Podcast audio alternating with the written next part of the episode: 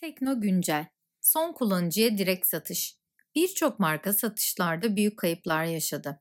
Müşterilerin online yaşamaları hız kazanırken alışveriş alışkanlıklarında online alışverişin ağırlığı da çok hızlı artmaya devam ediyor. Covid-19 salgını ile hızlı tüketim ürünleri satan markalar, sinema, otel, restoran, alışveriş merkezlerinin kapanması ve spor müsabakalarının seyircisiz oynanması gibi nedenler ile satış cirolarında önemli kayıplar yaşadılar. Bu duruma örnek olarak Coca-Cola tüm dünyada Nisan 2020'de %20 oranında satış kaybı yaşadığını açıkladı. Coca-Cola'nın satışlarında tiyatrolar, sinemalar, restoranlar, müzikaller, maçlar, oteller ve hava yollarının ne kadar önemli bir yeri olduğunu da görmüş olduk. Alternatif satış modelleri bu açıdan alternatif satış yöntemleriyle artan online satışlardan pay alarak bu kayıp ciroları yerine koyabilmek için tüketiciye direkt satış yapabilmek daha da önemli bir hale geldi. Esasında tüketiciye direkt satış konusu salgın ile yalnızca hız kazandı diyebiliriz. Dijitalde satış ve pazarlama aktivitelerini verimli bir strateji ile yapabilmek için tüketici verisine sahip olmanın önemi son 10 senedir her sektör için çok fazla konuşulan ve çalışılan bir konuydu. Bazı stratejik noktalar çok önemli. Hızlı tüketim ürünlerini satan bu firmalardan tüketiciye doğrudan satış yapmayı düşünenlerin önünde birkaç tane önemli stratejik konu var.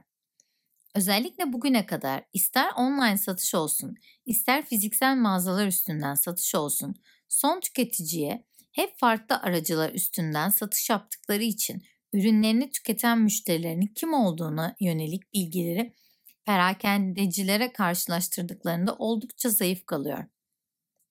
Açıkları kapatmak için verilere sahip olmak önem taşıyor. Son yıllarda bu açığı kapatmak için bazı paketlenmiş hızlı tüketim üreticileri veri toplamaya daha fazla yatırım yaparak özellikle sosyal medya platformları üstünden tüketicilerini tanımaya ve yaptıkları uygulamalarla onlarla ilgili daha fazla veriye ulaşmaya çalışmaya başladılar. Digital Shell'in yayınladığı rapora göre paketlenmiş hızlı tüketim ürünleri satan şirketler 2015 ile 2019 arasında 3.3 milyar dolar yatırım yaparak son tüketiciye direkt satış yapabilecekleri alternatif yöntemler üzerin üstünde çalışmaya başlamışlar. Bu yatırımı yapan markalar arasında PepsiCo, Kraft Heinz ve Nestle gibi uluslararası büyük markalar var. KVKK ve GDRP'nin sınırları çok iyi bilinmeli. Tabii burada Kişisel Verileri Koruma Kanunu KVKK ve Avrupa Birliği'nin GDRP gibi uygulamaları onlara tüketici bilgisini toplamakta belli sınırlamalar getiriyor.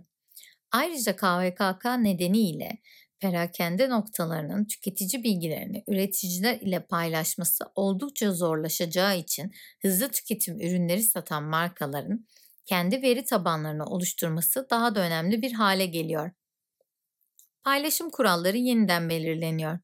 Tüketici bilgilerini toplamaya çalışan paketlenmiş hızlı tüketim markalarını bekleyen başka bir zorluk da Google, Safari ve Firefox gibi arama motorlarının 2020 itibari devreye almaya başladıkları ve 2023'te tamamen devreye girecek üçüncü parti cookie paylaşım kuralları olacak. Apple'da iOS 14 ile tüketicilerin bilgileri üçüncü partilere karşı daha güvenli hale getireceğini duyurdu. Tüketici veri tabanının oluşturulması çok önemli. Esasda bu yeni regülasyonlarla paketlenmiş hızlı tüketim ürünlerini satan markalar için kendi tüketici veri tabanlarını oluşturmaları çok daha önemli bir hale geliyor.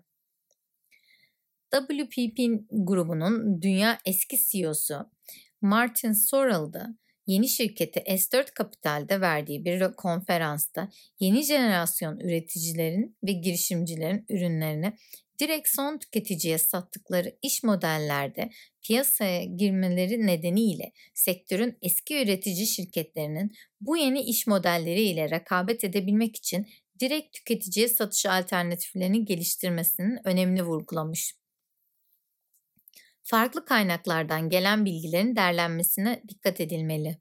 KVKK regülasyonu son kullanıcı verilerini toplamakta zorluklardan sadece bir tanesi diyebiliriz. Esas zorluk birden fazla kaynaktan gelen tüketici bilgilerinin tekilleştirmesi tarafında ortaya çıkacaktır. Bugüne kadar internet sitelerinden, sosyal medyadan, perakendicilerden ve medya planlama ajanslarının DMP'lerinden toplanan verileri anlamlı bir şekilde birleştirerek bir müşteri veri tabanı oluşturmak ciddi bütçeli ve zaman alacak bir çalışma olacaktır.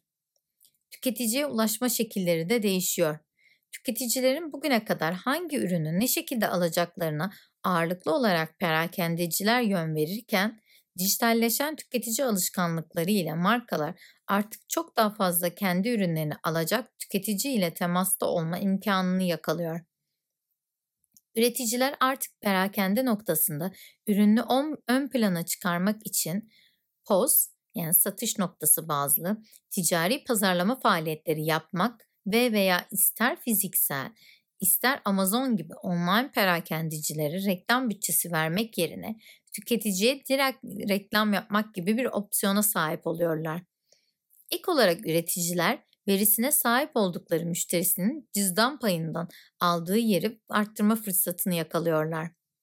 Sosyal medya takibi önem kazanıyor. Üreticiler için tüketici verisini sosyal medyada dinleyebilmek hem tüketicinin kendi ürünleriyle ilgili değerlendirmeli öğrenmek hem de aynı şekilde rakip ürünler hakkında düşüncelerini anlamalarını sağlıyor. Tüketiciye direkt satış sonucu onlardan topladıkları birinci el bilgiler ile stratejik planlama, yeni ürün geliştirme ve tüketici ile duygusal bağ kurma konusunda çok önemli bir fırsata sahip oluyorlar. Ayrıca tüketici verisine bu detayda ulaşabilmek, markalara hangi kanal üstünden nasıl bir iletişim kurmaları gerektiği konusunda çok önemli bir içgörü sağlıyor. Üç önemli soru var. Bu noktada paketlenmiş hızlı tüketim üreticilerini üç önemli soru bekliyor.